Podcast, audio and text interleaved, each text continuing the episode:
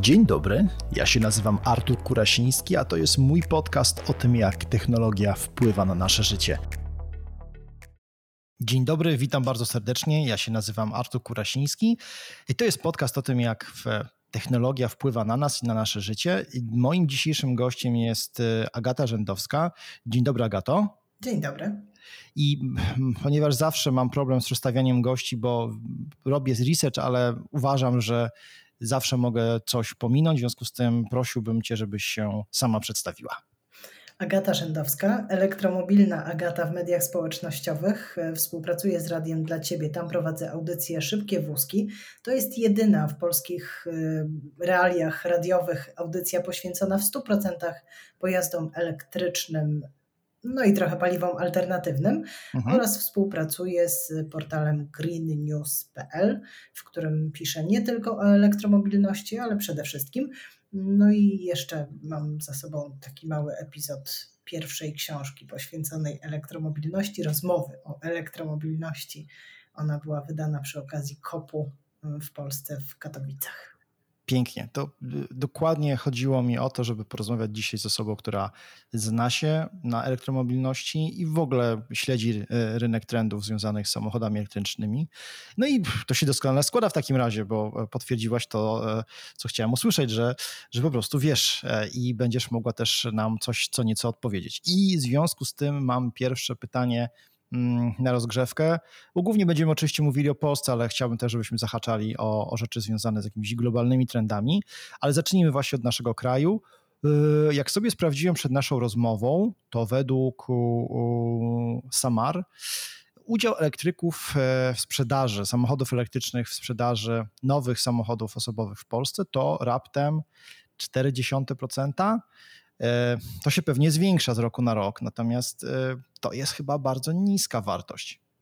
To jest bardzo niska wartość, rzeczywiście. E, gdybyśmy chcieli te samochody policzyć, to już nie jest tak, że ja znam wszystkich właścicieli i znamy się z widzenia przy ładowarkach.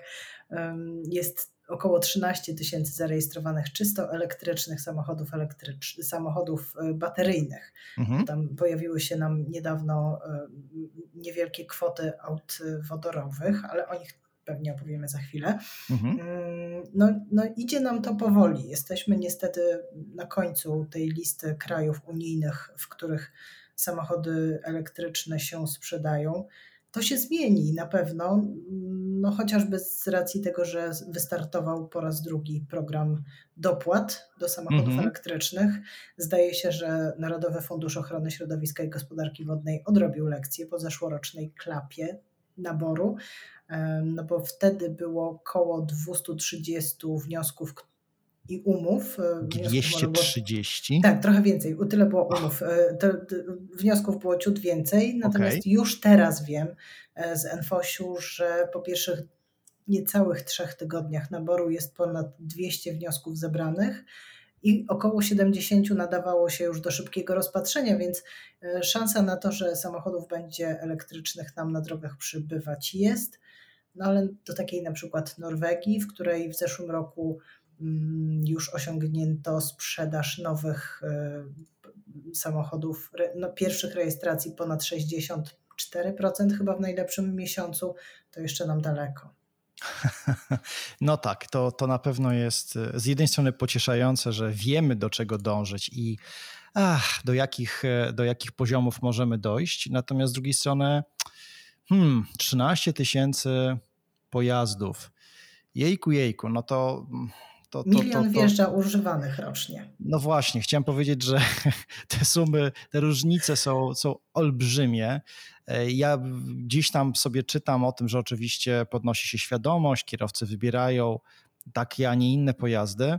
Natomiast sam niedawno byłem postawiony przed tą, e, przed koniecznością, bo chciałem, miałem 13-letniego, właściwie 14-letniego diesla i ten samochód e, uważałem, że jest, no przyczynia się znacząco do, truje środowisko, truje nas, truje mnie, mnie moje, moją rodzinę, moich dzieci, ale wszystkich, którzy, których mijam na ulicy i chciałem go zmienić.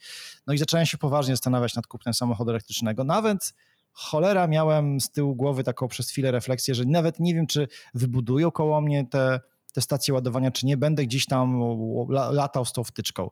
Chociaż mieszkam w centrum i na przykład z okna no sobie nie zrzucę. Tak? No nie zrzucisz, ale y, akurat jeżeli dobrze wnioskuję, w którym mhm. miejscu mieszkasz, to dostęp do infrastruktury do ładowania nie jest taki najgorszy. Nie jest najgorszy, miejscu. tak. Znaczy kiedyś, kiedy jeździłem samochodem testowym, zdarzyło mi się to dwa razy, powiem szczerze, że zaryzykowałem e, pójście do kina, w sensie byłem zmuszony wręcz, no bo dwie godziny tankowania, w cudzysłowie, żeby ten samochód się naładował. To było kilka lat temu, więc ten, ten czas był znacząco dłuższy. Potem e, raz mi się też udało zrobić to w galerii handlowej, natomiast no, hmm, żeby tak być w 100% zawsze pewnym, że wyjeżdżając rano i parkując wieczorem będę miał ten samochód będzie po prostu miał napęd, e, bo będzie w nim, będzie w nim prąd, no to, to musiałbym mieć jakby gdzieś tą infrastrukturę koło siebie. No i oczywiście A, metodą... Mogę ci zadać intymne tak, pytanie. Oczywiście. o to, ile kilometrów dziennie potrzebowałbyś zasięgu, żeby czuć się bezpiecznie? Ile przejeżdżasz zazwyczaj? No właśnie bardzo niewiele. Ja jestem przykładem raczej takiego kanapowego kierowcy e, i pewnie jakbym powiedział ci, znaczy inaczej, nie chcę zakłamywać, dlatego że jak podam ci wartość miesięczną, to by się nagle okazało, że to w sumie jest niby dużo, bo ja jednak jeżdżę i moja małżonka do, do naszych rodziców z obu stron, czyli pokonujemy drogę centrum na przykład Ursynów albo centrum Brwinów. No to się robi w obie strony już kilkadziesiąt kilometrów, ale nie robimy oczywiście tego codziennie. Jeśli chodzi o takie korzystanie e, day by day, to myślę, że nie skłamie, jeśli to byłaby liczba kilometrów zamykająca się w sumie 40-50 max. Tyle musimy pokonać, żeby powiedzmy dojechać do tych miejsc, gdzie potrzebujemy być, odebrać dzieci z przedszkoli, ze szkół i tak dalej, wrócić. Więc y, my tak naprawdę nie potrzebujemy tego samochodu, gdyby nie to właśnie, że chcemy mieć ten komfort, że dojeżdżamy do naszych e, daleko e, mieszkających rodziców. Także e, tak, to jest około takiej 40-50 kilometrów dzień, ale to jest naprawdę już bardzo, bardzo wyśrubowane.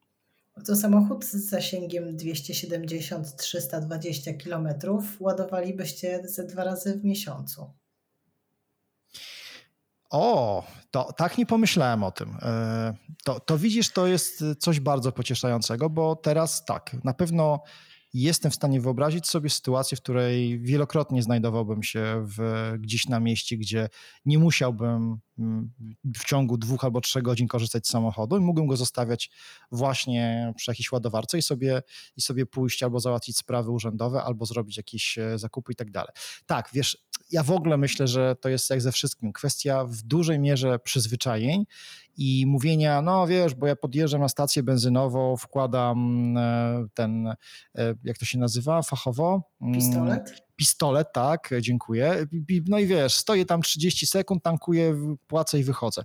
No okej, okay, no ale mm, jak gdyby to, co wychodzi z drugiej strony tego równania, to jest to, że ten samochód po prostu no, wpływa, bo to są, jest spalamy paliwa kopalne, czyli jeśli chcemy być zgodni z trendami, tak naprawdę wiemy, że to powoduje duże zanieczyszczenie powietrza, czyli spalanie czy benzyny, czy też ropy, no to, to, to nasza, e, nasza przewaga jest wtedy taka, że mamy po prostu możliwość, e, możliwość e, szybkiego zatankowania. Jeśli chcemy być zgodni i oszczędzać zdrowie nasze i w domyśle też naszych dzieci i wnuków, no to powinniśmy sobie ten poziom komfortu trochę obniżyć, no i właśnie co pewien czas dawać, dawać sobie e, e, możliwość zastanowienia się, czy mogę poświęcić kilkadziesiąt albo może nawet e, dwie albo trzy godziny na, na ładowanie takiego, takie, takie pełne.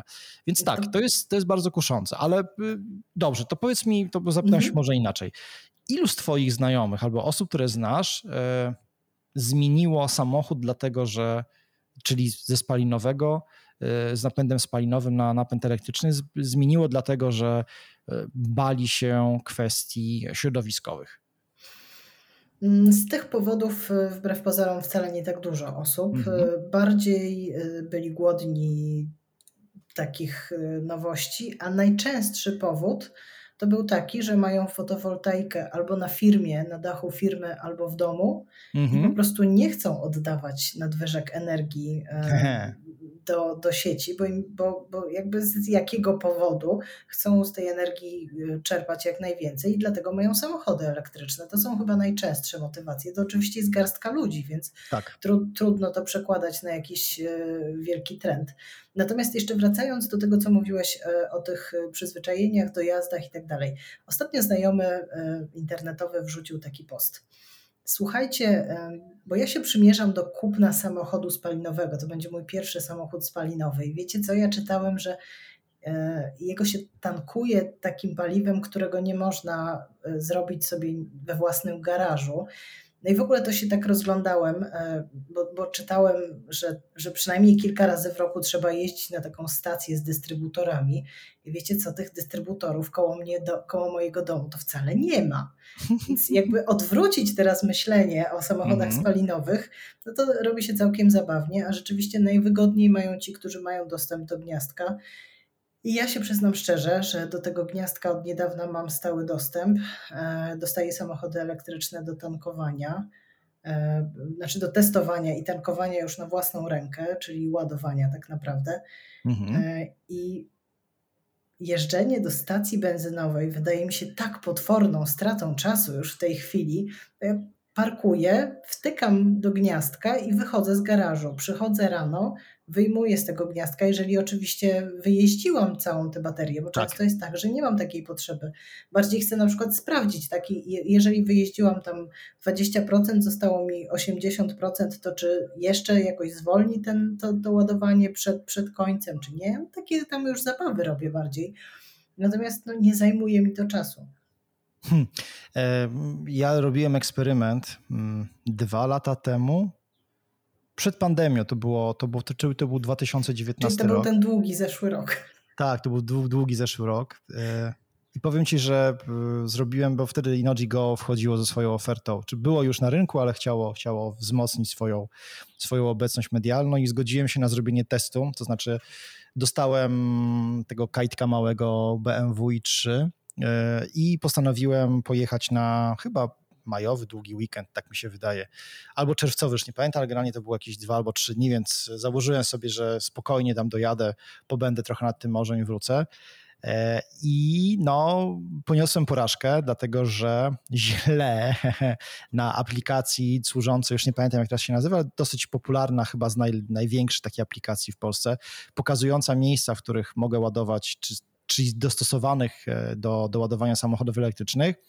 Ktoś chyba nie do końca dobrze oznaczył, tak sobie to tłumaczę, mm, miejsce, w którym, e, które było zaznaczone, dlatego że opisał, że to po prostu jest e, stacja ładowania. Było to dziwne, bo to było naprawdę in the middle of nowhere, a okazało się, że po prostu jest to, nie kłamie, wtyczka wisząca z okna i można było oczywiście, czyli 220, można było przez konwenter się tam podładować.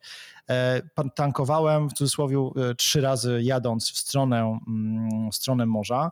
Zdaje się, że finałowo też pokonała mnie bardzo prozaiczna rzecz, że osoba, która e, miała przez Airbnb mi wynająć na ten czas mieszkanie, wymówiła mi po prostu tą rezerwację i ja i tak nie mógłbym tam pojechać, ale szczerze powiedziawszy, powrót już był prostszy, bo miałem obcykane gdzie się zatrzymać, nawet zjeżdżając kilka kilometrów z trasy, ale przy włączonej klimatyzacji, przy jeździe no, powyżej 90 na godzinę, no to ten samochód, no, znacząco to była duża różnica między tym, co się normalnie zdarza. Natomiast znowu, ja to kładę na karp rozwoju i absolutnie tak samo jakbyśmy mu powiedzieli, nie wiem, 50 lat temu, czy, czy no okej, okay, 20 nawet, jak wyglądała jazda samochodem, jakie elementy były w tym samochodzie i co, co można było dzięki niemu zrobić. Także liczę na to, że elektryki też się będą zmieniały. Natomiast na razie. Już, tak, już się mhm. zmieniają. E, już kolejne generacje tych samych modeli mm, mają jakby rozmiarem e, tę samą baterię, tylko jej gęstość jest na, na przykład dwa razy większa i nie zmienia się waga. Takie cuda już się dzieją. O. Mm, no i ten mały kajtek, o którym ty mówisz, to był samochód, który, którym przecierano szlaki w ogóle. Był, był bardzo innowacyjny i wciąż pozostaje bardzo atrakcyjny. To jest BMW i3 które debiutowało, zdaje się, w 2014 roku. I jak się dzisiaj na nie popatrzy, to wcale się nie zestarzało, ale rzeczywiście mhm. od tamtej pory w bateriach sporo się zmieniło i już nie w tym modelu, ale w kolejnych elektrycznych modelach BMW będzie nam proponowało znacznie większe zasięgi. I, I, tego się trzymajmy, bo, bo też myślę, że bardzo dużo osób, e, gdybym był takim przeciętnym zjadaczem chleba i ktoś by mi zaproponował właśnie potestowanie, albo bym spotkał znajomego czy znajomą, która kupiła elektryka i bym z tyłu głowy miał tą informację, że słuchaj, niby tam jest wpisane 180 km, bo tyle, ty, tak było to chyba fabrycznie, mhm. na, na, tyle było oceniony zasięg, ale de facto jak włączysz klimę, jak będziesz jechał powyżej 90, czyli w tym, w tym trybie nie eko, tylko, tylko bardziej sportowym, no to, to znacząco spadnie do stówy, tak? No to, to bym powiedział, słuchaj, a weź ty przestań mi tutaj mówić o tych elektrykach, to naprawdę ja wezmę jakiegoś takiego rzęcha za 5000 kupię, którego załaduję w, w sprzętem i wsadzę do niego rodzinę i dojadę na te morze i na pewno nie będę musiał 3 czy 4 razy zjeżdżać z trasy, żeby ładować. Także tak, no, no dobrze się update'ować pod tym kątem. Bardzo dobrze. Ja, ja się update'owałam e, niespełna miesiąc temu jadąc do Zielonej Góry z Warszawy. Mm, trasa samochodem elektrycznym i żeby nie było, nie wiozłam pani, pani, pani Daisy przez całą trasę. Zajęło nam e, jedzeniem obiadu, które akurat e, połączyliśmy z czasem na ładowanie, czyli około godziny e, staliśmy przy ładowarce, a tak naprawdę siedzieliśmy w knajpie i jedliśmy. Zajęło nam 6 godzin 15 minut. Hmm, to ładnie to, to już nie jest jakaś wyprawa rzędu pójście hobbitów do Mordoru. To już robi się, no okej, okay, no jasne, no pewnie ktoś by wsiadł, przycisnął i zwykłym spalinowcem by dojechał tam szybciej, ale to już Jakby nie jest taka nie... gigantyczna. Tak, jakby się nie zatrzymywał, to w ogóle byłby w te pędy. No ale to jeszcze dochodzi kwestia szanowania przepisów. I, dokładnie. Tak. No właśnie, dobrze, to, to po, miło, miło rozpoczęliśmy. Mm, to teraz wejdźmy, wejdźmy trochę głębiej. E, wspomniałaś o właśnie już e, zmieniających się przepisach, bo właśnie pod koniec 2019 roku polski rząd, miłościwie nam panujący, wydał długo oczekiwane rozporządzenie dotyczące programu dopłat do samochodów elektrycznych. E, nie jest to jakoś bardzo, znaczy teraz ponownie mamy z tym do czynienia, tak? Znaczy do czynienia w tym sensie, że jest, jest tego kolejna fala, tak. ale powiedz mi na tle tego, jak ty widzisz bardziej mi chodzi o, o to, żebyś skomentowała to pod kątem tego, jak to wygląda w innych państwach. Czy mhm. tak, tego typu działanie pod tytułem hej, dopłacamy ci do samochodu elektrycznego jest ok, czy lepiej na przykład jest inwestować w rozwój stacji ładowania? Mm, zdaje się, że co kraj to obyczaj, mhm. chociaż jak y, pokazują niektóre badania i teraz y, komunikacja ze strony największego producenta samochodów, czyli grupy Volkswagen, mhm. najpierw infrastruktura, a potem samochody, no bo jeżeli nie będziemy mieć tej pewności, że będzie się gdzie ładować, że to wszystko będzie działało jak w szwajcarskim zegarku, będzie niezawodne, no to trudno podejmować ryzyko i też trudno oczekiwać od kierowców, że będą takie ryzyko chcieli podejmować.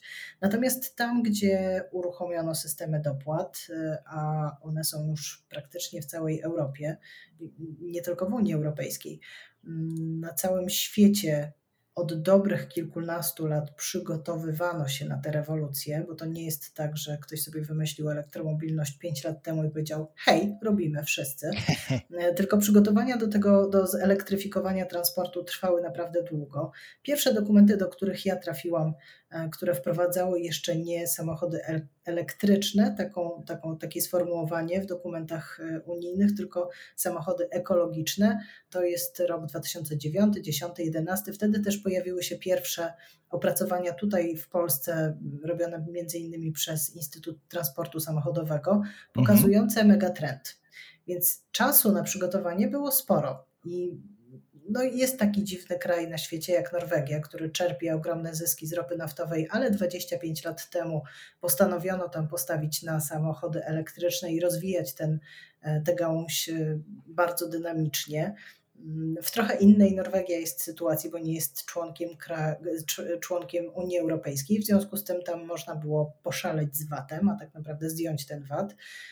No i oni już są na tym etapie, że przygotowują się do tego, że będą rezygnować z niektórych przywilejów, co oczywiście tych kierowców, którzy czekali do ostatniej chwili, będzie teraz złościć, że jak to oni mhm. kupili wreszcie ten samochód elektryczny i co, i za 2-3 lata im zabiorą przywilej e, zmniejszonych opłat za parkowanie czy za przepływanie promem i tak dalej. No tak, bo, bo, bo te przywileje już e, od dłuższego czasu są. Mm, są takie kraje jak Dania, w którym był taki rok, kiedy skończyły się dopłaty do samochodów elektrycznych dla przedsiębiorców i dramatycznie załamała się sprzedaż, więc podrapano się po głowie, no, no to chyba trzeba do tego wrócić, jeżeli mamy tych przedsiębiorców przekonywać. Mm, są takie kraje jak e, znowu wykroczymy trochę poza Unię Europejską, Ukraina, która ściąga samochody używane elektryczne ze Stanów. Dzięki temu, że nie jest w Unii, może sobie e, znowu przyciąć cło. No i naprawdę, co kraj to obyczaj. My niestety mm, trzy razy wchodziliśmy e, z takimi deklaracjami w, w stronę importerów, że już, już startujemy z poważnym, dużym programem dopłat i on e, nie wystartował. W związku z tym Teraz y, dopłaty będą, pieniądze będą. Może się okazać, że wcale nie jest łatwo, szczególnie przedsiębiorcom, kupić w najbliższym czasie samochód elektryczny, bo jedna, jeden problem, który pojawił się na globalnym rynku, to jest produkcja samochodów, y, do których po prostu nie ma tych mikrochipów i to niezależnie, czy to tak. jest elektryczny, czy nie elektryczny, po prostu fabryki stanęły w niektórych miejscach. A druga rzecz, no to y, jeżeli trzy razy mówiliśmy tak już, już, raporty trafiały tutaj z Polski do central. Centrale blokowały jakieś ilości samochodów dla Polski, a potem się okazywało, że nie ma co z tym zrobić, trzeba to gdzie indziej sprzedać. Co oczywiście nie jest jakimś wielkim problemem, no ale jakby w ten sposób z biznesem trudno utrzymać jakieś dobre relacje, no to może się okazać, że w tym roku trzeba będzie się zapisać na taki samochód elektryczny. Mhm. No właśnie, bo ja mam taki problem, bo jak zacząłem ci opowiadać mm, o tym, że zacząłem myśleć o zmianie samochodu, no to też nie ukrywam, że zacząłem patrzeć na kwestie kosztów, bo z jednej strony jest e, dbanie o środowisko, ale po drugiej, z drugiej strony mamy banalną prozę życia pod tytułem a ile to kosztuje i czy mnie na to stać. Mm, tak. No i, i miałem problem, tak? Znaczy kupienie samochodu za 100 tysięcy złotych no, nie twierdzę, że to jest wydatek, który w moim wypadku powiedzmy, że byłbym w stanie te pieniądze zdobyć, chociaż uważam, że zamrożenie i wręcz to nie jest inwestycja, no bo posiadanie samochodu nie. jest, tak, więc to jest, to jest koszt, to jest, tak. to jest koszt, który musisz, musisz ponieść. No nie jest zbyt najmądrzejsze, szczególnie tak jak już się do tego przyznałem, nie jeżdżę bardzo dużo i ten samochód nie jest mi niezbędny i pewnie jakby teraz ktoś chwycił za kalkulator albo stworzył prosty szablon Excela i policzył to, te moje aktywności, to się pewnie by okazało, że mi się opłaca nawet na wakacje miesięczne wynająć samochód i nadal te wszystkie koszta łącznie z opłatami za ubezpieczenie i tak dalej, tak dalej, będą mniejsze niż, mm, niż w, w sensie to wszystko spowodowałoby, żeby pewnie prościej byłoby mi brać w carsharingu samochód albo po prostu go wynajmować z wypożyczalni.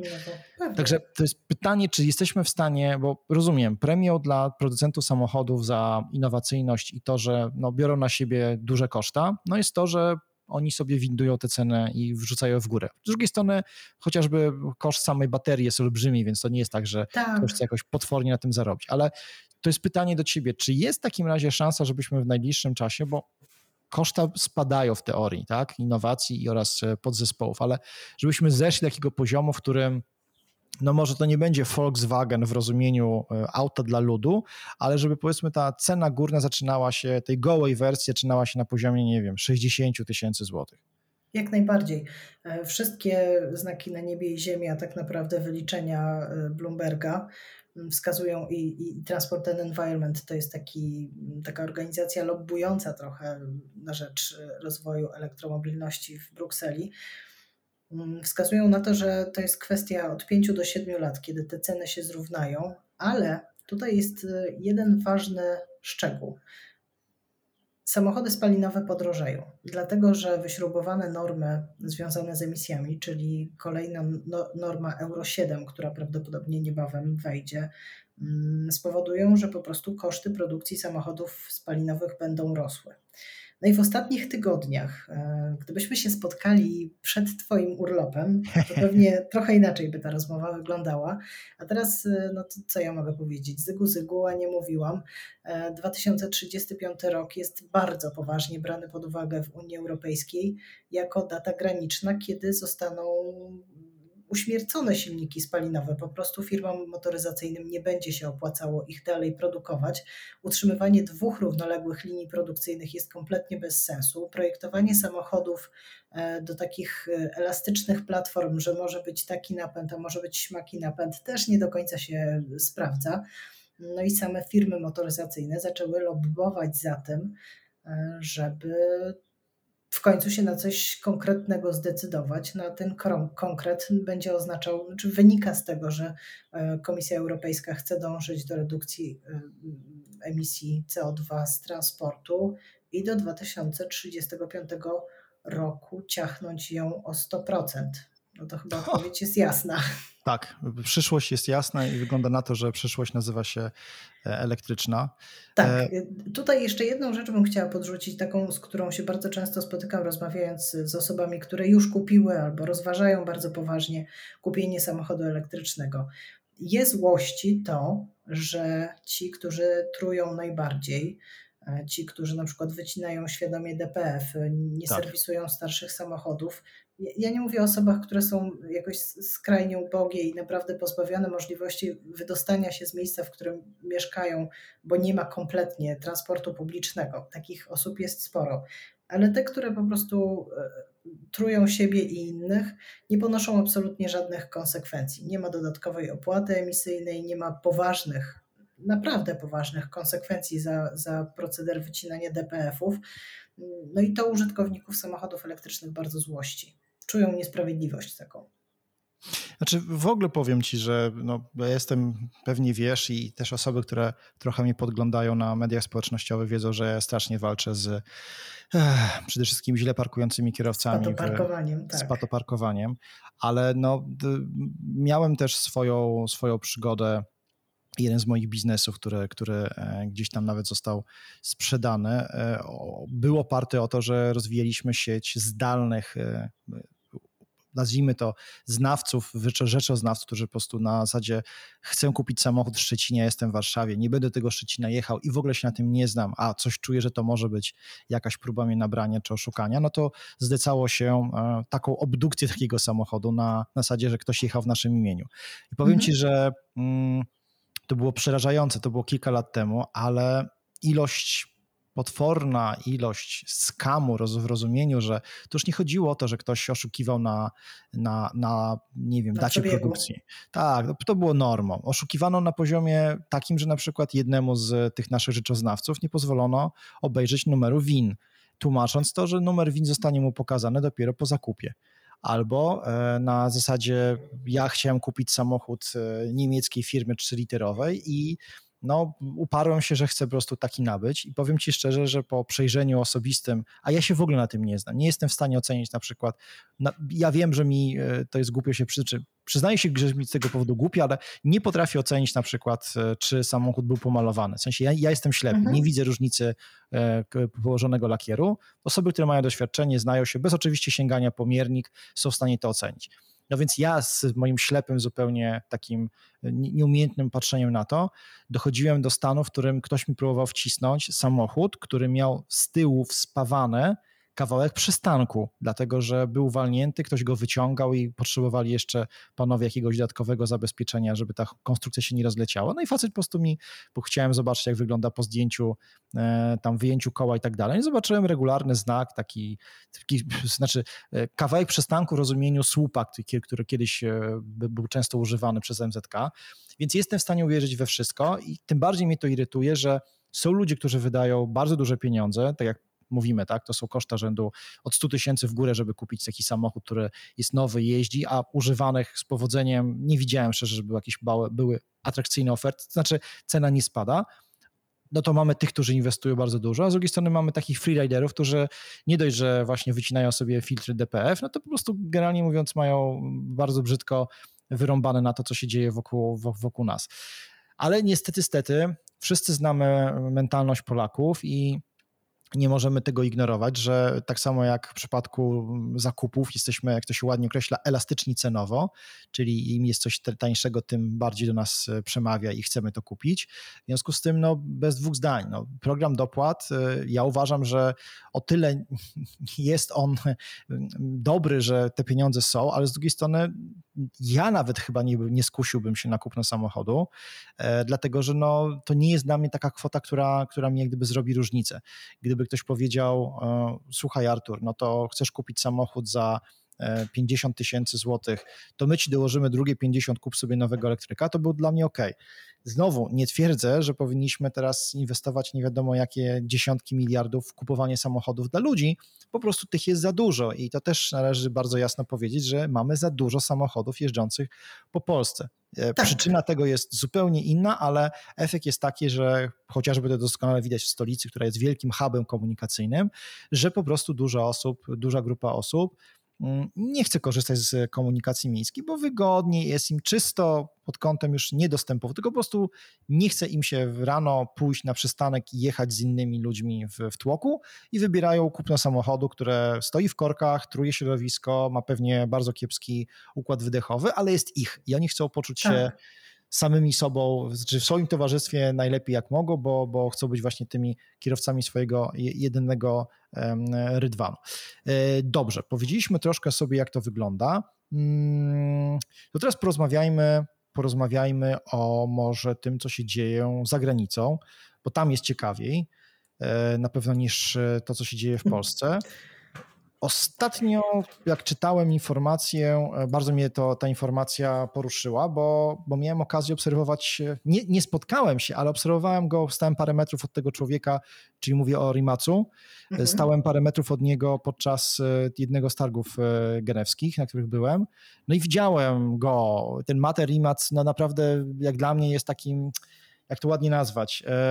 Wydaje mi się, że jest to ciekawsza postać niż Elon Musk, ale to jest oczywiście moja subiektywna ocena. E, z drugiej strony, e, dlaczego o nim mówimy? No dlatego, że, że e, informacja ostatnia, która się pojawiła, wskazywała na to, że powstała spółka, taki joint venture Bugatti i Rimaca. Na czele tej spółki stanie właśnie Mater Rimac, no i założyciel Rimaca, no i i nagle wielka rewolucja. Spółeczka, która dosłownie wyszła z jakiegoś garażu w Chorwacji, tak, jest współwłaścicielem Bugatti, tak? Tego Bugatti. Tak, tak. Niesamowite. Zabrzało. E, oczywiście natychmiast pojawiały się takie głosy, że e, dobra, dobra, ludzie, wyluzujcie. Tak naprawdę to Porsche będzie miało kontrolę nad firmą Rimaca, a nie Rimac ma Bugatti. Mhm. E, wiadomo. No wiadomo. Ale prawda jest taka, że firma, która ma 12 lat, którą założył Materimac, y, który ma z tego co pamiętam 33 lata. Tak, tak. E, przejęła markę, no bo trudno tu mówić o fabryce, tak naprawdę tak. przejęła markę, która ma 112 lat i jest synonimem szybkich samochodów e, o niebywale zaawansowanych konstrukcjach, inżynieryjnie top liga. Jak do tego doszło, że taki młody chłopak y, w ogóle pojawił się na rynku i jest brany pod uwagę przy takich kontraktach, przy takich y, inwestycjach, y, jak tutaj z, z grupą Volkswagena, tak naprawdę z Porsche. No, to jest człowiek, który elektromobilności poświęcił całe swoje dotychczasowe życie. Był, zdaje się, takim złotym dzieckiem, które ogarniało fizykę, matematykę i, i, i do tego interesowało się takimi meta, me, megatrendami niepopularnymi jeszcze wtedy bardzo. Mm, przeszedł szkołę życia jako dziecko, y, które zostało z Chorwacji przerzucone do Niemiec, tam kończył szkołę, ale jego celem było zbudowanie firmy międzynarodowej, silnej firmy mm, w Chorwacji, niedaleko stolicy. Chce budować duży ośrodek, bo na razie y, już fabrykę ma i to fabrykę, w której zamawia się podzespoły do takich samochodów jak Koenigsegg e, szwedzki, jak e, na przykład Pininfarina włoska mm, albo ja wiem, no Porsche Taycan zawdzięcza mu to, no, że ma takie, takie osiągi. Więc on pracuje dla takich właśnie marek, dlatego, że wyspecjalizował się. On, on chciał być małym e, butikowym, o sobie tak mówią, producentem samochodów, robić swoje małe e, serie takich aut i takim autem jest Nevera, czyli coś, co się do tej pory nazywało e, Rimac C2 Mm, a na podstawie tego, co on potrafi zrobić w takim pokazowym samochodzie, w takim pokazowym modelu, sprzedawać te technologie innym i na tym zarabiać i tak budować swoją potęgę. No i bardzo konsekwentnie to robi. I myślę, że takich ludzi nam jest bardzo teraz potrzebna, bo, bo to są ci szaleńcy, ci, którzy na początku wyglądają, bo pewnie jakbyśmy się cofnęli właśnie tę, tą dekadę do tyłu i byśmy zaczęli rozmawiać przy okazji, nie wiem, oceniania szans takiego chłopaka, który, który mówi, że zbuduje międzynarodową firmę, no to pewno byśmy mówili, że to jest wariat, no bo przecież jest Bugatti, przecież jest Porsche, jest grupa Volkswagen, tak? To oni mają, oni, oni sprzedają dziesiątki milionów e, samochodów rocznie, to co ty chłopaku możesz tutaj zrobić? No i co się okazuje, że trochę czasu, minęło czasu mało, a wiele i ten chłopak staje się języczkiem uwagi branży. Ja nie twierdzę, że on będzie zmienić całą branżę na zasadzie takiej, jaką, jaką mu się przypisuje, jaką się Elonowi Maskowi przypisuje, ale uważam, że po pierwsze jest to duży, duży i fajny sukces europejski i powinniśmy to tak. promować po pierwsze. Po drugie, no to jest jednak e, ogromny news. To znaczy, jasne, e, pewnie można powiedzieć, że słuchajcie, ale tutaj to będzie przecież firma zależna i należąca do Porsche, on tam będzie sprzątał, e, Bugatti pewnie tak i tak będzie robiło do tej pory to, co robi, a on będzie zajmował się tam niektórymi rzeczami związanymi z elektromobilnością, no ale do jasnej ciasnej. No, z drugiej strony nie można mu odmówić tego, że nie każdemu się daje, oferuje się tak, zrobienie spółki joint venture z, z Bugatti, tak? No ja bym, tak. czy jakbyśmy y- poszli i powiedzieli, hej, chcemy zrobić taki deal, to pewnie byśmy zostali, delikatnie mówiąc, wyproszeni stamtąd, a Raczej jemu się tak. to udało. A jemu się jeszcze więcej udało, bo poza Porsche, które zainwestowało w Rimaca, zainwestował także Hyundai. A Hyundai w ogóle w tej chwili przechodzi niebywałe przeobrażenia. To jest firma, która, koncern, który zainwestował też y, w Boston Robotics, y, ci od tych mhm, tańczących tak. robotów. robotów, psów i tak dalej. E, czyli oni się szykują na niebywałe mm, na niebywałe zmiany. Już w tej chwili oferują ciężarówki elektryczne, mm, szukują się do, do dronów, robią e, szybkie stacje ładowania dla samochodów elektrycznych, ale E, to są jednocześnie takie małe elektrownie, bo, bo to są stacje, w których jest wodór. E, więc my mówimy o takich mariażach. Tak? Koenigsegg, też jedna z najbardziej innowacyjnych firm motoryzacyjnych na rynku światowym, zbudowana przez, znowu przez wizjonera.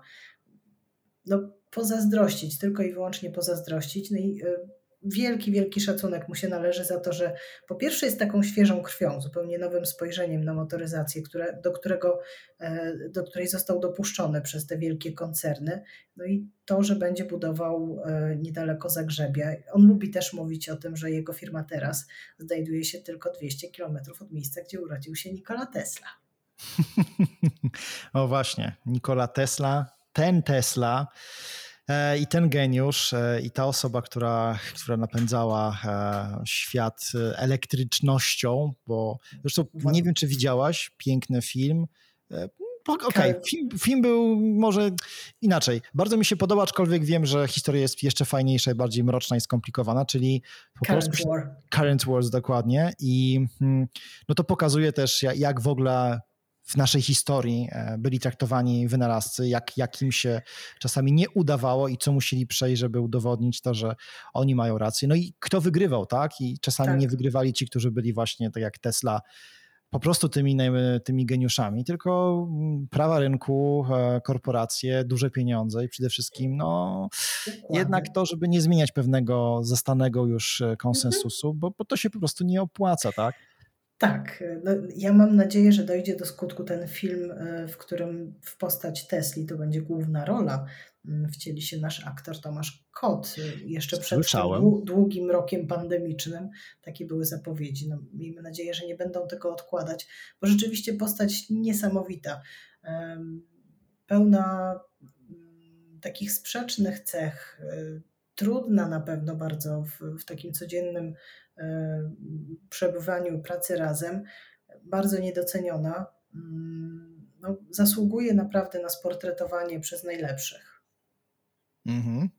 No, my, myślę, że szczególnie w takiej pogoni za, za sensacją i tym, że ten nasz świat jest, stara się być taki nieprawdopodobnie kolorowy i z jednej strony zniuansowany, a z drugiej strony no jednak goniący za, za jakimś takim tanią sensacją, że nie wiem, ja jak powiedziałem, mam do tego chłopaka, chłopaka, no, mężczyzny, bardzo duży szacunek za to, co robił. E, dla mnie jest on ogromnie ciekawą postacią i z wielką przyjemnością będę śledził losy jego dalszego, dalszego rozwoju, jego firmy, jego samego bo jak powiedziałem, dla mnie to jest znak, że możemy zrobić też coś fajnego w Europie. Bo nie ukrywajmy tego, teraz możemy przejść do, do wątku amerykańskiego, czyli do wspomnianego już Ilona Maska. No nie ukrywajmy tego, że to na razie właśnie na ustach wszystkich jest, jest Tesla i Elon Musk, który w końcu dowozi, w tym cudzysłowiu, ale również literalnie, e, i chwali się wynikami produkcji. Jego fabryki wyprodukowały 499 550 sztuk samochodów, czyli prawie mu się udało to założone 500 tysięcy uzyskać. E, ale dla porównania, to oczywiście mówimy o całej grupie Tesli. Przez grupę Tesla rozumiem wszystkie fabryki, tak? bo, bo tych fabryk już jest trochę. Mm. Azja, Europa i Ameryka, tak. Tak. I w Europie, czy już właśnie ruszyły Berlin, czy nie? Cały czas chyba są jakieś problemy. Z Berlinem zdaje się, problemy się zaczynają mm, po raz drugi, bo, bo pierwsze to były te przed startem budowy fabryki. Przyznam się szczerze, że z racji tego, że tak dużo się działo w elektromobilności, y, trochę mi y, uciekło z, z ostatnio z takich rzeczy, które śledzę, ale rzuciło mi się w oczy takie nagłówki, że y, Elon traci wiarę w powodzenie tego projektu. Chyba muszę doczytać, o co tam chodziło. Mm, no ale w Europie trochę inaczej procedury postępują i tro, trochę ta dynamika przy inwestycjach jest inna. Tym bardziej, że mówimy o, o Niemczech, które jest państwem, które tam się szanuje prawo. Tak, zbiurokratyzowanym do tego. Tak, więc sądzę, że on faktycznie może się rozbijać, już bez takiego siania defetyzmu, ale faktycznie jego, jego problemy mogą wynikać z po prostu no, takich murów kompetencji, które, czy, znaczy kompetencji urzędników, którzy, którzy starają się po prostu pokazać, że on jednak e, jest zwykłym, normalnym obywatelem, pomimo tego, że jest jedną z najbogatszych, prawie, bo już zawsze mi to umyka, czy on i Jeff Bezos się zamieniają bezustannie miejscami. Ale powiedzmy Zależy, taką kto rzecz. się rozwodzi, tak? Zależy, co się rozwodzi, tak, e, albo kto, kto leci w kosmos. Powiedz mi, bo tak, bo jak powiedziałem, Elon Musk pochwalił się, że wyprodukowało i wyprodukował powiedzmy 499 tysięcy samochodów. W tym samym czasie, bo też sprawdziłem, gdyby, żeby mieć tą skalę porównania. Volkswagen Group zamknął zeszły rok na skalą czy wynikiem 9 milionów 330 tysięcy. Mhm. Kurczę, o czym my mówimy? Bo, bo, bo, potem jest Toyota z 7 milionami, potem jest Renault, Nissan, Mitsubishi Alliance z 6 milionami. To, to, to wszystko wskazuje na to, że nadal, pomimo tego, że bardzo, bardzo, bardzo dużo osób żyje takimi newsami, ja te i chcemy i trzymamy kciuki, no to jest jakaś kompletna kropla w morzu potrzeb. Oczywiście ta, ta liczba samochodów rośnie, ale to są olbrzymie jeszcze, olbrzymie um, przestrzenie do, do pokonania. Myślisz, że że my się doczekamy takiej pełnej elektryfikacji w rozumieniu e, bycia, wiesz, wychodzisz na ulicę i samochody, które, z którym z rur się wydobywa spalone, spalone paliwo, to, to będziemy mogli policzyć na, nie wiem, jednej ręce pijanego drwala? Albo będziemy chodzić, pooglądać je w jakimś muzeum. E, myślę, że dożyjemy. Co mi pozwala tak sądzić? Po pierwsze, na każdym kontynencie są ogromne inwestycje w tej chwili w fabryki produkcji baterii, e, w laboratoria, które szukają jak najlepszej chemii dla tych baterii, jak najbardziej efektywnie, oszczędnie, jak najbardziej w obiegu zamkniętym, żeby te, te procesy powstawały. I jeżeli mówię na całym globie się to dzieje, to, to, to naprawdę wiem, co mówię, bo um, Indie ze swoimi firmami motoryzacyjnymi, takimi jak Tata czy Mahindra, robią niebywale dużo. Niekoniecznie są to samochody, takie klasyczne samochody. Bardzo popularna jest mikromobilność, czyli tricykle, kwadrycykle, rowery wspomagane elektryczne, elektrycznie rowery towarowe i różnego, różne inne pojazdy, które jednak nam zastępują samochód. No bo okazuje się, że tak jak popatrzymy na to, jak używamy samochodów, to większość czasu wozimy w nich powietrze. Mm, europejskie dane to jest takie, że przeciętnie w samochodzie podróżuje niecałe półtorej osoby, czyli tak naprawdę tam te dwa metry dodatkowe wozimy po nic. Jeżeli możemy wypożyczać sobie na przykład takie pojazdy na ten czas, kiedy potrzebujemy coś załatwić, nie musimy ich kupować, no to sytuacja się bardzo zmienia i zresztą nawet ci najwięksi producenci już to widzą i, i, raczej szykują się do tego, że oni nie wypuszczą z rąk tych samochodów elektrycznych, które będą produkować w najbliższym czasie. Raczej skłaniają się do tego, że będą je udostępniać w różnych formach leasingu, wynajmu i tak po to, żeby mieć dostęp do surowców, które są zgromadzone w baterii i móc je ponownie wykorzystać. Więc tutaj nam się naprawdę bardzo, bardzo wszystko zmienia. Mm, no, jesteśmy w takim ciekawym momencie, że w 2016 roku powołano do życia spółkę Electromobility Poland, która ma odpowiadać za powstanie polskiego samochodu elektrycznego. Niemal w tym samym czasie Turcy powołali do życia spółkę TOG i tak się złożyło, że Wietnam też e, założył wtedy Winfasta. No i mhm. TOG i Winfast już w tej chwili zbierają zapisy na samochody elektryczne, które wyjadą z ich fabryk. Mówimy o równolatkach Electromobility Poland. Tak. Te samochody mają trafić na rynek w przyszłym roku. Mm, no i to się dzieje, to już to, to, to nie są jakieś tam nakreślone projekty. E, TOG przed chwilą robił takie podsumowanie, co się wydarzyło u nich w ciągu ostatniego roku, bo tam rzeczywiście musi powstać wielka fabryka, żeby móc te samochody elektryczne na taką skalę, jak e, sobie zamarzyli, produkować. No i ta fabryka powstaje. Mm, Kanada, płynąca, kiedyś pachnąca żywicą, teraz płynąca ropą, też przykuje się do tego, żeby wchodzić w różne mariaże z firmami motoryzacyjnymi mającymi korzenie w Stanach i produkować samochody elektryczne. Mm, Chiny no to jest w ogóle in, inna para kaloszy, bo tam elektromobilność rozwija się na świecie najszybciej. Oczywiście dzięki temu, że jest jakby do tego przymus i, i tam jeżeli europejski producent samochodów chce produkować swoje samochody, no to musi się zobowiązać, zobowiązać i wykonać pewną kwotę samochodów elektrycznych albo odkupić takie credits, oni to nazywają, od innego producenta, który, tak jak na przykład Tesla, produkuje tylko elektryczne i takimi uprawnieniami może sobie handlować na lewo i prawo. Mhm. E, w 2020 roku Piotr Zaręba, prezes Electromobility Poland, zapewniał, że cel wyprodukowania polskiego samochodu elektrycznego spełni się w roku 2023, 2023. Chyba Wtedy z taśmy. już teraz. Okej. Okay. To w takim razie mój news już został, jest, jest już nieświeży. Wtedy z taśmy ma, ma zjechać pierwszy, e, pierwszy tak, pojazd. Tak, Izera. Izera, właśnie. Hmm. Od czego by tu zacząć? To znaczy tak, to może zapytam się delikatnie. Czy to w ogóle jest w jakikolwiek sposób realne? No do 2024 roku mamy jeszcze trochę czasu. Nawet gdybyśmy mieli e, takie problemy mm, proceduralne z budową fabryki, jak e, ma Elon Musk w Niemczech, no to i tak to jest do ogarnięcia. Pytanie, czy wchodząc na rynek w 2024 roku, kiedy już absolutnie każdy producent będzie miał coś do zaoferowania, a ci najwięksi, e, no oni są dość zaborczy. Oni się nie cofną przed niczym, żeby zawalczyć o, o klienta. Pamiętajmy, co potrafiono zrobić e, przy okazji Dieselgate, e, tamte mhm. zagazowane małpki. E, teraz ta zmowa, którą ujawniła Komisja Europejska i ukarała winnych, która dotyczyła AdBlue, żeby nie rozwijać, trzy, trzy koncerny dogadały się, żeby nie rozwijać tej technologii i robić tak minimum tego, co wymaga e, emisja euro, no to hmm, będzie bardzo trudno. Ja nie mhm. mówię, że ten projekt e, się nie ma prawa udać, bo ja nie jestem w stanie wszystkich e, rzeczy policzyć, przewidzieć. Natomiast obserwując go od samego początku, a naprawdę obserwuję go od samego początku, bo musiałam się mocno nagimnastykować, żeby dowiedzieć się, zanim oficjalnie ogłoszono, kto zostanie pierwszym prezesem tej spółki, tak naprawdę dyrektorem zarządzającym, jeszcze zanim oficjalnie to nazwisko się pojawiło.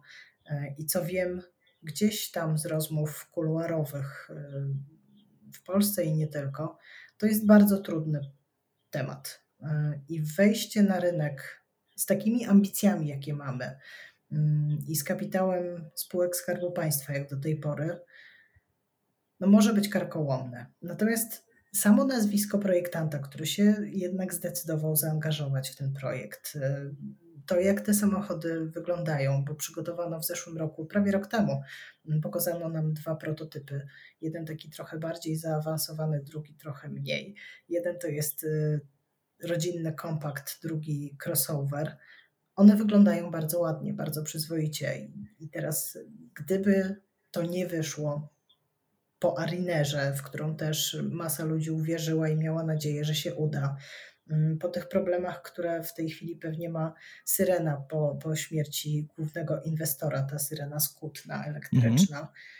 no to szkoda by było, gdyby się nie udało. Z drugiej strony, tak sobie myślę, że gdybyśmy wystartowali e, z trudem i ponosząc pewne koszty, a potem by się pojawił taki inwestor, nawet z tych największych, i chciałby przejąć jakoś tę firmę albo wejść w jakąś spółkę, taką może trochę jak z Materii Macem, to już, już by to się mogło udać.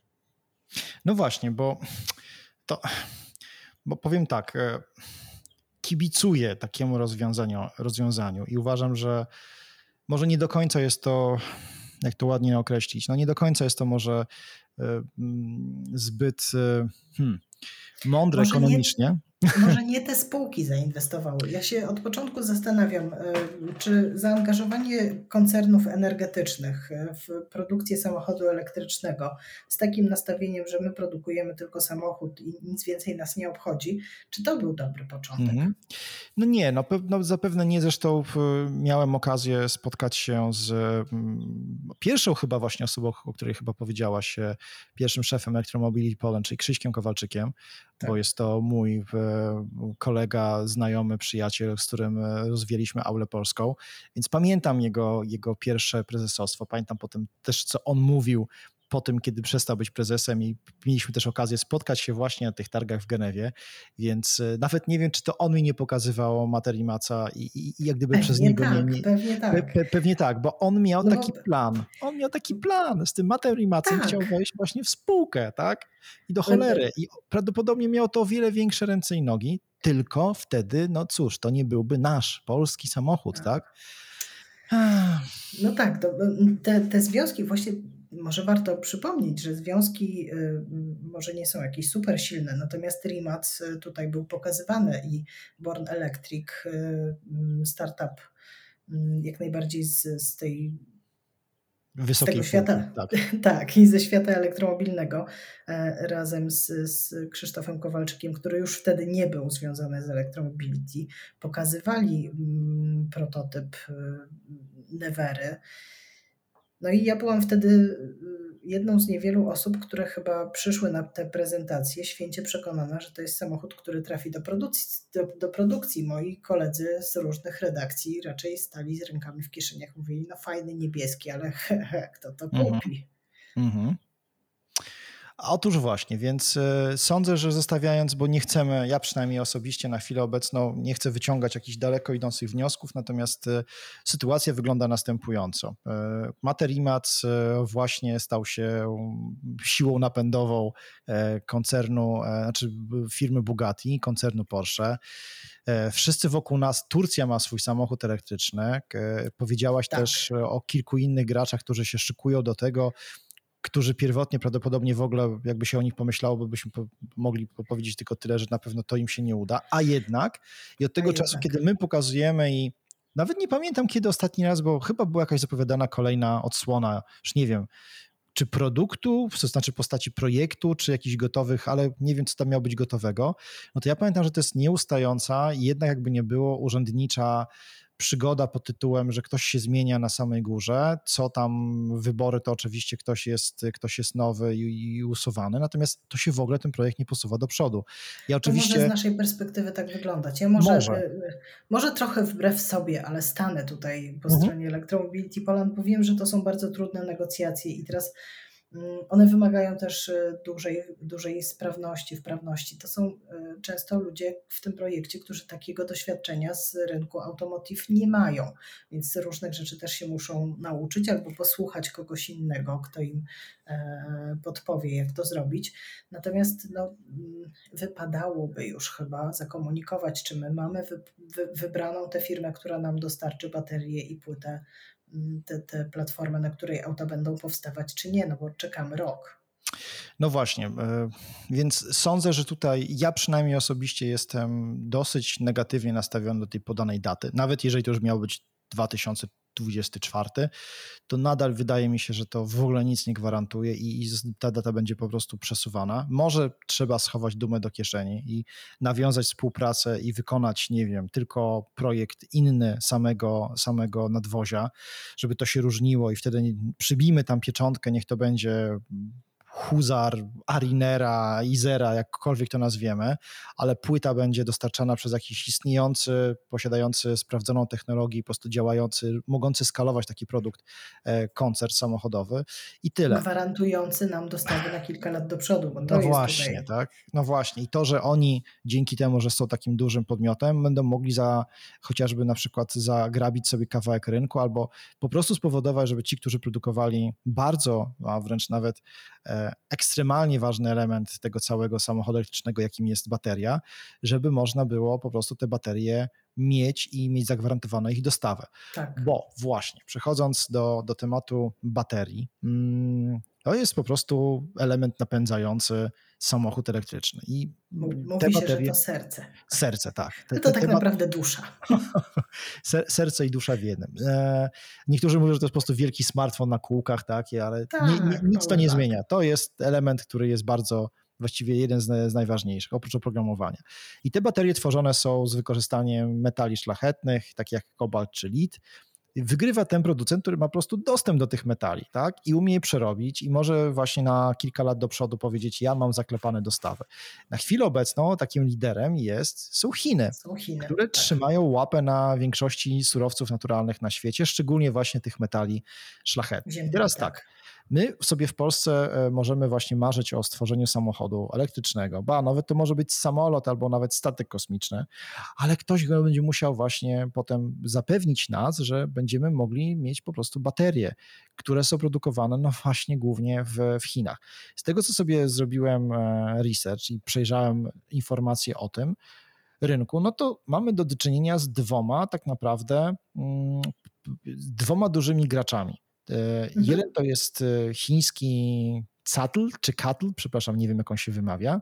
Tak? To jest lider w produkcji akumulatorów e, litowo-żelowych, żelazowo-fosforanowych, a potem są wszystkie firmy, które próbują zrobić coś innego, łącznie oczywiście z wodorem, o czym porozmawiamy za chwilę, ale no wygląda na to, że wszyscy skończymy w kieszeni u Chińczyków, bo będziemy musieli ustawiać w kolejce po ich produkty.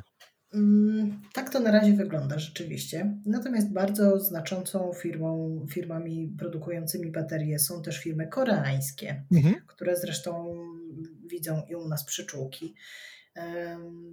Ostatnio czytałam raport y, dotyczący rozwoju elektryfikacji transportu w Stanach Zjednoczonych. Kolejny raport, bo, bo one się tam pojawiają co jakiś czas. Już teraz y, po, po tych wyborach y, przygotowany. No i jednym z takich, e, bo oni sobie robią taką zupełnie prostą rzecz, analizę SWOT. Aha. No i tam w tym polu, w którym są, są, te nasze niedostatki, no to niedostatkiem są baterie. To co by tu teraz zrobić? No i Ameryka popatrzyła na to, co wymyśliła sobie Europa jakiś czas temu, czyli Battery Alliance, taki alians, do którego Polska przystąpiła na czas. E, który ma nam zapewnić dostęp do surowców, z których będą powstawać baterie. A jak chcą to zrobić? No bo nie mamy, nie wykopiemy, nie, nie, nie podbierzemy nikomu jakoś e, e, w sprytny sposób. Otóż pomysł jest taki, że będziemy budować tutaj w Europie centra recyklingu baterii, no bo tutaj, gdzie towar zostaje wprowadzony na rynek, to tutaj powinien zostać poddany recyklingowi. Mhm.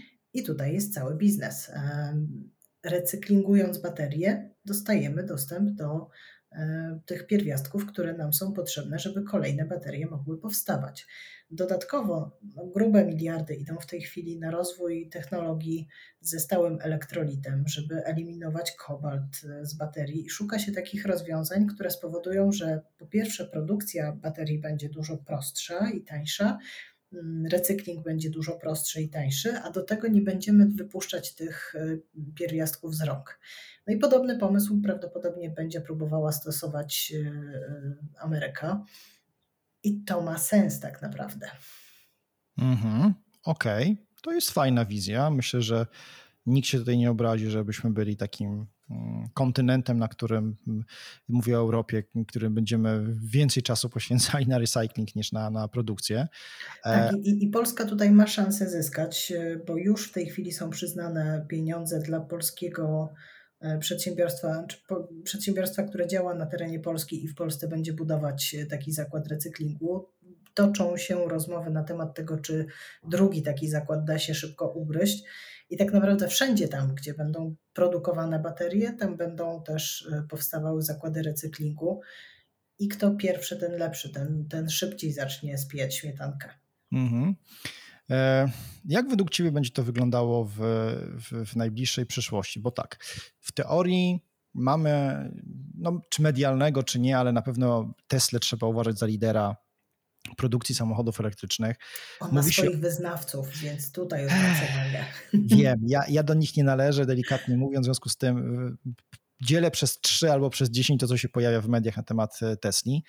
E, wykonałem pewną pracę, przeczytałem sobie historię Ilona Maska, który nomen omen wchodząc do firmy Tesla absolutnie nie miał zielonego pojęcia na temat samochodu, ba był całkiem niedawno, zanim się w tej Tesli pojawił i zaczynał wygryzać wszystkich, to porozwalał kilka samochodów, przede wszystkim takiego jednego bardzo dużego i fajnego samochód sportowy, który kupił sobie, e, nawet go nie ubezpieczył, e, kupił sobie i rozwalił go w, zaraz po tym, jak dostał wypłatę za sprzedaż, e, za sprzedaż akcji PayPala.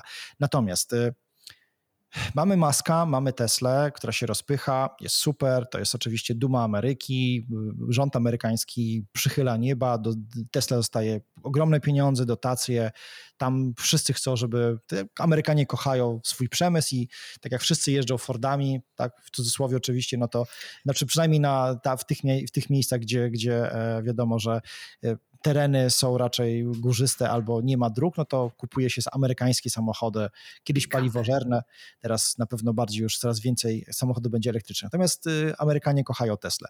My w Europie no, mamy kilka dużych koncernów samochodowych i pewnie będziemy chcieli się temu przeciwstawić. No, z trzeciej strony mamy Chiny, które będą potwornie parły do tego, żeby stać się nawet nie wiem, czy liderem, tylko po prostu, czy w ogóle nie opanować całego, no właśnie, tak, bo też się o tym nie mówi. Tak, tak, my nie mamy tej świadomości, tam się sprzedaje większość samochodów elektrycznych, chociaż ostatnio był taki moment, że Niemcy wyprzedziły, ale to mhm. dlatego, że gospodarka chińska w ogóle wyłączyła się na chwilę dzięki y, pandemii. pandemii tak. Natomiast tak. Chiny od dłuższego czasu próbują wejść tutaj ze swoimi samochodami elektrycznymi, bo tak, pierwsze elektryczne kombi e, wyprodukował koncern chiński. Można ten samochód kupić w Wielkiej Brytanii, można go kupić e, w Norwegii, dlatego że to są kraje nie będące w Unii Europejskiej, więc tam jest łatwiej. E, BYD, największy producent e, pojazdów elektrycznych, ma w swoim e, portfolio absolutnie wszystko, od koparek przez ciężarówki, autobusy, małe pojazdy. Mm, no, jeśli byśmy chcieli ich tutaj wpuścić, to oni przyjeżdżają, rozkładają się ze swoim interesem i sprzedają nam wszystko, czego potrzebujemy. Jednak to, że jesteśmy z, z, w tych strukturach unijnych, powoduje, że tych granic handlowo trochę się broni i, i, nie wpuszcza tych y, koncernów, ale z drugiej strony oni też znaleźli sposób na to, jak y, z Europy jak najwięcej zyskiwać, no bo uratowali markę Volvo. Marka Volvo też wiele osób tego nie wie, ale należy do koncernu chińskiego. Tak. tak I teraz tak. Volvo, Polestar, y, te taksówki londyńskie to jest wszystko jeden koncern chiński. Mhm. No więc Chiny tutaj przodują. Rzeczywiście z perspektywy Polski tego nie widać, ale jeżeli się pojedzie na jakiekolwiek wydarzenia motoryzacyjne e, europejskie, ja już nie mówię o tych światowych, no to oni tam są ze wszystkim, czego potrzeba.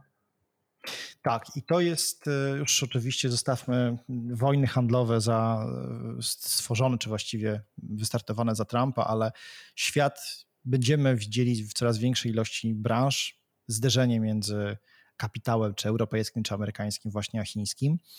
No i tu mi się wydaje, że to niebezpieczeństwo polega na tym, że pewnego dnia zapuka do nas jakiś przedstawiciel chińskiego e, dużego koncernu samochodowego i powie: Polski rządzie, do tego czy kolejnego, po co wy się bawicie?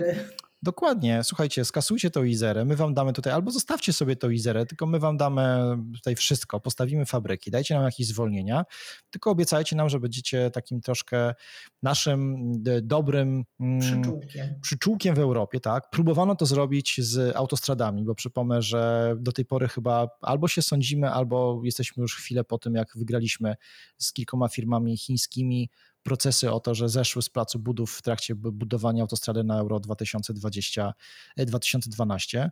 E, e, próbowano to robić, no i, i właśnie, to, to, to jest takie niebezpieczeństwo, że ktoś w końcu u nas powie, a po co mieć te ambicje, trzeba, idzie rok wyborczy, trzeba po prostu Ekonomia. sobie coś udowodnić. Tak? Ekonomia no. jest nieubłagana, obronimy to, pokażemy wykresy, że to będzie tańsze, szybsze i tak dalej.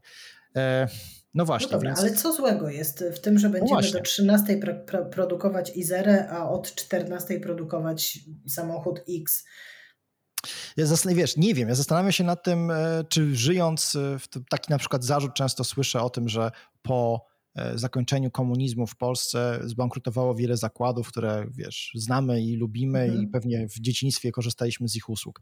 No tak, ale z drugiej strony... ostatnio książkę Zapaść o, Za... o tych miastach Aha. Mm, polskich, e, nie tych największych, ale takich, które były uprzywilejowane, że tam był przemysł i ten mhm. przemysł w latach 90. E, niestety zrobił kaput.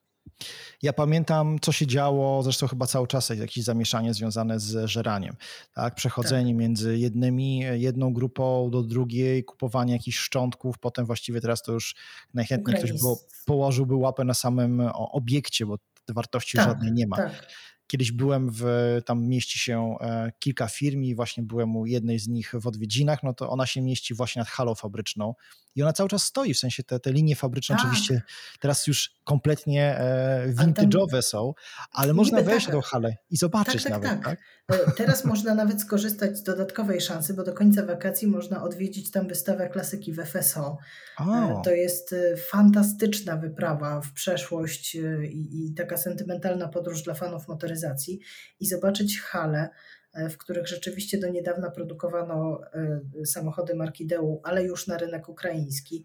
Zobaczyć, to do niedawna była jedna z najnowocześniejszych w Europie lakierni, w której te, te samochody zabytkowe są pokazywane. Pięknie oświetlone, bo to wszystko było po to, żeby zobaczyć te detale, czy wszystko się dobrze polakierowało, jak to wygląda. Więc jeśli e, kto, ktoś jeszcze nie był, to ja z całym Zapraszam. Z całą odpowiedzialnością tak polecam ja tam spędziłam dwa lata temu, bo w zeszłym roku nie wystartowała chyba w związku z pandemią kolejna odsłona tej wystawy. Ja tam spędziłam półtorej godziny takie, że mam chyba 300 zdjęć i kolejne trzy godziny opowiadałam o tym w domu. Wow, okej, okay. namówiłaś mnie, to może, może właśnie zamiast tkwić w fotelu w niedzielę albo umierać z powodu upału, może wezmę rodzinę i się po prostu przejedziemy, bo, bo to w sumie Trzeba jest blisko. kupić bilety wcześniej przez internet, to Okej, okay. no dobrze, to w takim razie znajdę sobie i wyklikam.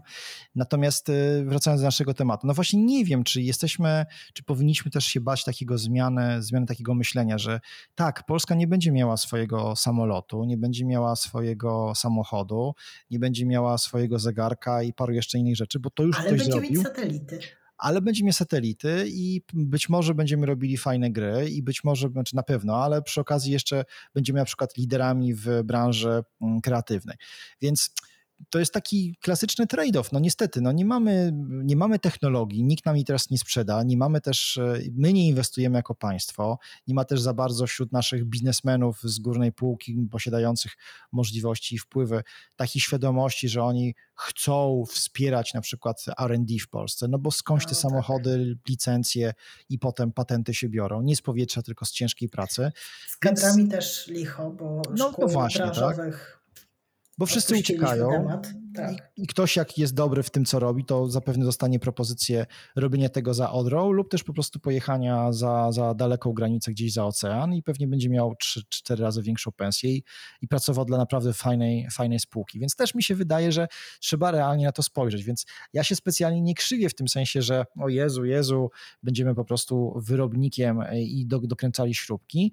Natomiast, żeby po prostu ktoś, ktoś wziął, przeliczył i powiedział: Słuchajcie, dość tych marzeń realia są takie, że nas na to po prostu nie stać i będziemy czekali 10 lat, zanim pojawi się pierwszy nasz stworzony tak samochód. Tymczasem cały świat no już będzie jeździł od dawna jakimiś fajnymi modelami. Tak, no, no y, mamy za miedzą przykład Skody, tak? No właśnie. Przecież z tej marki mieszkańcy kraju są wciąż dumni. To jest Mhm. ogromny pracodawca na, na tamtym rynku. Mamy przykład wskrzeszonej Daci. Mhm. Wiadomo, że to nie, nie stało się z dnia na dzień i pieniędzmi tylko i wyłącznie lokalnymi. Przyszedł duży koncern, powiedział: Niemiecki. Możemy, why Tak. not? Y, Dacia nie, Da- Dacia to jest grupa Renault. A, przepraszam, tak. No mówiłem o Volkswagenie, tak, oczywiście. A, a tu, tutaj w, w ogóle możemy jeszcze jedną historię sprzedać, jak to e, grupa Renault zobowiązała się do tego, że zrobi super wydajnego, taniego, elektrycznego malucha na rynek chiński i zrobiła to. Dowiozła samochód, który był w założeniu tańszy niż 10 tysięcy dolarów i dzisiaj możemy ten samochód kupić w Polsce. To jest Dacia Spring. o, do tego nie znałem. No proszę, no to, to, to, to miła, miła informacja. E, Czyli mamy swój wkład jako Europa w rozwój elektromobilności e, w Chinach. Chiński, tak. Piękne. E, Tak, też uważam, że gdybyśmy z FSO reanimowali i tam pojawił się duży kapitał, który naprawdę by to wszystko pociągnął, nawet jeżeli miałby to mm, ten kapitał rodowód chiński albo, albo amerykański, no to chyba trzeba byłoby zacisnąć zęby, bo tak jak powiedziałaś, no ja nie mam problemu z tym, że ba, nawet czuję się lepiej, gdybym kupował samochód marki Skoda i wiedziałby, że to są podzespoły de facto robione według technologii niemieckiej, no to kurczę, ładny bardzo kształt bryły nadwozia, dobra technologia, fajna cena. To zresztą, co tu daleko szukać, jak się popatrzy na te statystyki sprzedaży w Polsce, to chyba nie skłamię, jak powiem, że Toyota i Skoda są chyba najwyżej. tak. Lubimy jako Polacy, tak? Pomimo tego, że pewnie większości z nas jeszcze się kojarzy właśnie, że to są samochody, czeskie samochody, tak, robione przez tam, e, przez e, naszych krajan z, e, w ramach wspólnoty RWPG, no ale po prostu, tak, świat idzie do przodu, bierze się markę, reanimuje się ją, wsadza tam się nowe, nowe rzeczy i robi się na tym pieniądze. Więc też uważam, że powinniśmy się po prostu zacząć realistycznie zapatrywać, a nie tylko z takiego powodu, o, bo tutaj duma narodowa ucierpi, jak nie będziemy mieli swojego samochodu. Więc y, to też taki apel do tych, którzy może nas słuchają. Nie wierzcie we wszystko to, co się mówi o tym samochodzie elektrycznym w Polsce. Nie jest tak bardzo źle. Tutaj e, ukłon strony Agaty, która, która starała się pokazać plusy. Natomiast z drugiej strony pomyślmy wszyscy, czy nam się naprawdę opłaca, żebyśmy wydawali dziesiątki czy setki miliardów złotych na powstanie naszych, polskich e, e, sieci, fabryk, czy też jakichś taśm produkcyjnych, kiedy możemy kupić tą technologię produkować lepiej, szybciej i według sprawdzonych wzorców. Ja przynajmniej uważam, że, że to jest trochę, trochę bez sensu. Mm, Okej, okay. po, powiedzmy sobie jeszcze o kwestii związanej z Polską samochodami elektrycznymi i prądem w naszych gniazdkach. Mhm. No i tym, że ten prąd jest generowany ze spalania węgla, czyli jeśli bardzo byśmy się upierali, to kupując samochód elektryczny w Polsce, no według przynajmniej mojej oceny, no nijak my się nie możemy chwalić tym, że polepszamy to, to środowisko. Mm, I tak i nie. Po pierwsze, Aha. odsuwamy od siebie y, emisję. Zostawiamy ją specjalistom. To znaczy, już nikt nie może pogrzebać y, w układzie wydechowym i wykombinować, że a dobra, to się wytnie, tu się zaspawa, zaszlifuje, będzie ekstra. Będzie pan zadowolony. To nic, że będzie pan wdychał potem te wszystkie NOx-y i ten cały syf. I tak naprawdę pierwszy koszt y, zdrowotny, który ponosi ktoś, kto wyciął DPF, to on sam on ze sam. swoją rodziną. Mhm. Potem, co prawda, zajmuje nam miejsce w kolejce do lekarza, no ale jakby jakaś kara jest. Mm, Oddajemy całe emisje fachowcom. Tam już się naprawdę nie da skręcić, bo to są zupełnie inne, wysokosprawne technologie, w których ta emisyjność jest e, sukcesywnie obniżana. Teraz będziemy pewnie mieć e, sporą zagwozdkę, jak to zrobić, żeby zrealizować te cele Fit for 55, czyli cele redukcji emisji także w energetyce, do których jesteśmy, będziemy zobligowani. E, Pewnie się pojawi jako przejściowa technologia y, taka gazowa, ale ona wciąż będzie mniej emisyjna, dużo bardziej wydajna. Druga rzecz, rozwija nam się OZE i to rozwija nam się bardzo ładnie i bardzo szybko. To OZE prosumenckie. Mhm. Tam znowu coś próbują w tym pogrzebać, więc y, Oj, zobaczymy, czy się przy, przyhamuje, czy nie. Mm, Potrzebne są duże inwestycje w sieci e, elektroenergetyczne, takie sieci inteligentne, w których będzie można oddawać do sieci, odbierać do sieci i rzeczywiście wykorzystywać niektóre samochody elektryczne jako te powerbanki na kółkach, bo, bo one się do tego świetnie nadają. Bo, bo w czym jest problem, żeby e, jeżeli mamy domek czy firmę, e, naładować ten samochód, a potem pojechać do centrum handlowego i temu centrum handlowemu sprzedać część naszej energii dzięki komunikacji dwukierunkowej i nie płacić za parking, nie trzymać tej energii, nie wpuszczać jej w sieć. Można to robić w ten sposób. Można mhm.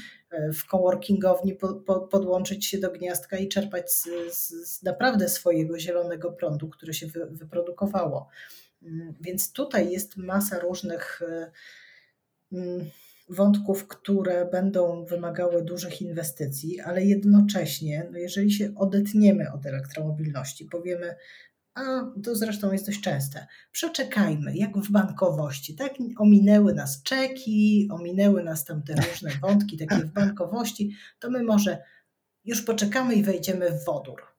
No nie mhm. da się. W ten sposób się nie da podchodzić, bo po pierwsze e, musimy się liczyć z tym, że, że nie zostaniemy takim szrotem Europy, chociaż na razie to tak wygląda. Prędzej czy później trzeba będzie zbudować jakąś tamę i odseparować od, od, te samochody najgorsze, e, żeby nie wjeżdżały tutaj do Polski. Druga rzecz e, to będzie wchodzić na rynek pracy i mobilności jednocześnie nowe pokolenie, które już niekoniecznie chce mieć samochody, bo oni widzą, że to jest kupa roboty z tym, zawracanie gitary, trzeba za to płacić, to się psuje i w ogóle. Lepiej jest może zamówić coś przez aplikację albo współdzielić. Więc tutaj nam się te struktury posiadania też zmienią i łatwiej będzie mm, operować w takich systemach samochodami nowoczesnymi. No i będziemy liczyć na to, że pojawią się też y, samochody z rynku wtórnego, które w końcu do Polski też dojadą. Mhm. Oby, oby. Y, przede wszystkim też bym chciał, żeby to dobrze wybrzmiało albo wybrzmiało głośno. Niezależnie od tego, co się stanie, my wszyscy będziemy beneficjentami tych zmian. E, dlatego że niezależnie od tego, czy to będą chińskie samochody, czy, czy amerykańskie, dlatego że no pod koniec nam chodzi właśnie o to, żeby zmniejszać e, emisję zanieczyszczeń będących tworem spalania paliw kopalnych. Tak. Pewno z wtórnym uniosem sobie nie poradzimy tak szybko, chociaż wiem, że, że też takie plany. No tak, wystarczyło tak, po no. prostu mieć te ulice, tak? I to już by na pewno dużo, dużo poprawiło. Nie wiem, dlaczego tego się nie, nie robi. Natomiast na pewno o wiele większym problemem jest to, co się pojawia w, przy, w rurach wydechowych, tak? Szczególnie mhm. tych samochodów. Nad czym nie ma kontroli, kompletnie nie ma kontroli, bo my nie wiemy, ile takich samochodów wjeżdża dziennie do Warszawy z tak, wyciętym no, DPF-em. Ale z drugiej strony, jak popatrzymy sobie na to, i jaka jest kwota średnia, za którą Polacy kupują samochody, popatrzymy też.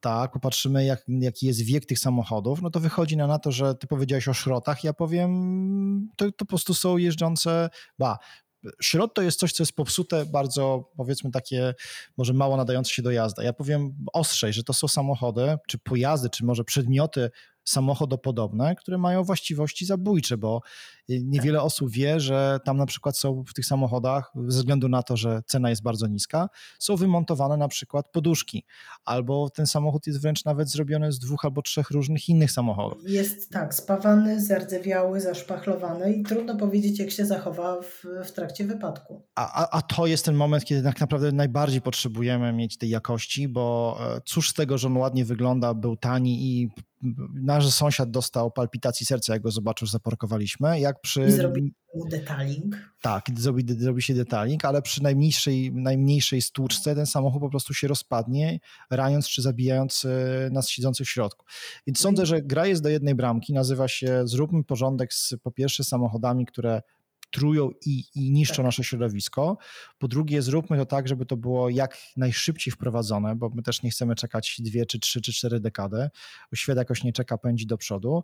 No a po trzecie, chcielibyśmy, żeby to było dostępne dla nas, tak, dla mnie, dla ciebie i dla szerokiego grona odbiorców, czyli to musi być stosunkowo tańsze niż to, co się obecnie e, pokazuje w sklepach i, i za ile, ile się sprzedaje takie samochody. Za nie można pomijać transportu. Transport Ach, tak, publiczny oczywiście. ma przede wszystkim nam e, spowodować, że nie będziemy zbyt wiele tych samochodów już kupować. Mm, no i tu niestety znowu muszę się odwołać do tej Norwegii nieszczęsnej, która wykłada grube miliardy e, tych swoich koron na to, żeby budować kolej. Mhm. Norwegii, żeby nie namawiać ludzi do tego, ej, słuchajcie, kupcie sobie trzeci, czwarty, piąty, dziesiąty samochód w rodzinie, taki z przebiegiem na miasto albo z takim zasięgiem, e, jakbyście chcieli pojechać e, na daleką północ. Mm, nie, oni chcą skłonić e, rodziny do tego, żeby miały tyle, ile maksymalnie potrzebują najlepiej jeden, dwa samochody, a dalsze podróże odbywali pociągami albo krótko, takimi średniodystansowymi w zasadzie, samolotami elektrycznymi. I tam e, zapowiedź jest na 2025 rok, że wystartuje pierwsze, pierwsze takie e, komercyjne połączenie lotnicze elektryczne między Stavanger a Bergen prototypy są już y, przygotowywane i, i myśli się w taką stronę. Mhm. Życzę tego sobie i tobie i wszystkim naszym słuchaczom, abyśmy wcześniej... Żebyśmy chociaż przez Wisłę przepłynęli barką elektryczną w tej dekadzie. Tak, to już będzie, to już będzie duży, duży sukces. Tak. Na pewno też e, ja zapraszam ze swojej e, z perspektywy lub też po prostu z tego, jak, jak obserwuję ten rynek, do tego, żeby słuchać e, Twoich audycji i czytać tego, co piszesz na swoich kanałach społecznościowych o właśnie samochodach elektrycznych, o elektromobilności. Także jeżeli chcecie, szukacie takiego miejsca w sieci do tego, aby wzbogacić się na temat tych właśnie elementów, to zapraszam bardzo serdecznie. Waszym i moim gościem była Agata Rzędowska, która no jak przez prawie półtorej godziny opowiadała nam o tym, co możemy zrobić w temacie elektromobilności w Polsce i na świecie. Mam nadzieję, że pewnie się jeszcze powinniśmy spotkać za jakiś czas i zobaczyć, czy na przykład pojawi się jakaś e, E, nadzieja większa na to, że ta Izera czy cokolwiek innego w Polsce jednak będzie miało miejsce, ale to zostawmy sobie na, na, na jakiś czas. Także Agato, ja Ci bardzo serdecznie dziękuję za poświęcony czas i mam bardzo nadzieję, że... za zaproszenie. E, proszę, proszę bardzo. I mam nadzieję, że niezależnie od tego, jak e, różne możemy mieć zdania na niektóre elementy, o których dzisiaj rozmawialiśmy, pogodzi nas to, że będziemy jeździli bezpiecznie, mniej truli środowisko i te samochody będą naprawdę fajne. Na pewno będą. Ja mam tutaj jeszcze dwie strony notatek, masę startupów, o których jeszcze mogę coś opowiedzieć, a o. Państwa jeszcze, no pewnie, a Państwa jeszcze na koniec zostawię z wygooglaniem sobie takiego e, terminu Trigo i zobaczenie, co, co ci ludzie potrafią. Fajny taki, ja go w ogóle widziałem na Chmielny kiedyś zaparkował. Co prawda nie wiem, czy się miał awarię, czy nie, ale właśnie go wrzucono na lawetę taki śmieszny wózeczek, taki trójkołowiec. Tak. Fajnie Cztero. to bardzo wyglądało. Cztero, tak? Cztero. A, dobra, A, dobra pochwal, to mamy no. końcówkę, to pochwalmy się nimi. To jest y, pierwszy, zdaje się, pojazd, który wyjechał z Polski, żeby się pokazać na Goodwood Festival of Speed, który mm. miał miejsce w ostatni weekend i to jest naprawdę super prestiżowa impreza międzynarodowa, która odbywa się od lat w Wielkiej Brytanii. Mam nadzieję, że będą mieli okazję pokazać się jako ten pierwszy pojazd z Polski wreszcie w Genewie, bo taki był plan przedpandemiczny, mieli nas tam reprezentować. E, no i, i, trzymajmy kciuki, bo to jest firma, która ma siedzibę w podwarszawskich Łomiankach, zatrudnia mhm. naprawdę masę fajnych ludzi, ma wizję, coraz chętniej jest zapraszana w różne miejsca. Trigo warto mieć na radarze. Także sprawdźcie, czym jest Trigo. Ja tylko powiem, że jest to bardzo fajnie wizualne doświadczenie. Nie jest to jakaś e, olbrzymia e, blacha e, i jakaś splątanina kabli. Ładnie to wygląda, super się fajnie tym chyba jeździ, bo widziałem gdzieś filmik z opinią. Kładzie się na zakrętach. Kładzie się na zakrętach, tak. I to jest taki, powiedziałbym, śmiało zamiennik smarta do miasta, okej, okay, no wiadomo, że oczekujemy jednak jakiegoś poziomu e, e, wygody. Nie wiem, jak jest z tym w Trigo, bo, bo z zewnątrz to wyglądało tak, że to jednak jest dosyć prosta klatka i, i tam za bardzo nie ma dużych oczekiwań, ale kurczę, no to też nie musimy mieć od razu cztero tak kanapowego, czy znaczy kanapy z czterema miejscami z tyłu. Czasami warto się po prostu wybrać samotnie, czy też e, w duecie. Także ja też się przyłączam do tego apelu Agaty. Zerknijcie sobie, pogooglajcie, czym jest Trigo, bo pewnie wielokrotnie trafiacie w internecie na jakieś cudowne, fajne mm, e, zdjęcia czy filmy o tym, jak ktoś zrobił sobie coś do jazdy po mieście z jakiegoś skutera i tak dalej. Czyli klasyczne e, cudze chwalicie, a swego nie znacie. Tak. Bardzo dziękuję jeszcze raz za zaproszenie i y, polecam się, jako że jestem elektromobilną Agatą, to y, od rana do wieczora o tym mogę rozmawiać. I tym, tym optymistycznym akcentem i apelem bym zakończył. Jeszcze raz, waszym moim gościem była Agata Rzędowska. Ja się nazywam Artur Kurasiński i zapraszam was do wysłuchania kolejnych podcastów. Cześć. Do usłyszenia.